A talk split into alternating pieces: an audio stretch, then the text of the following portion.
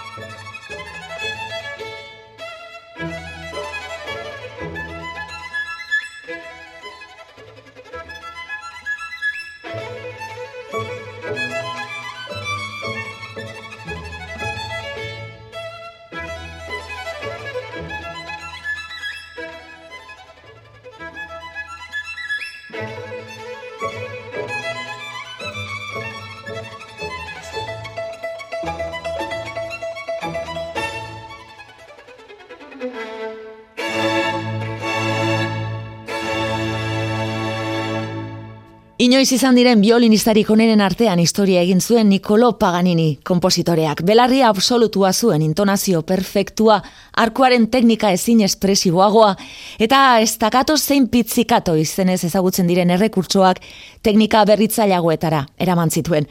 Salvatore Acardo, violinista turindarrak jotan dugu Paganiniren polaka konbariatzione. Klasikoak EITB.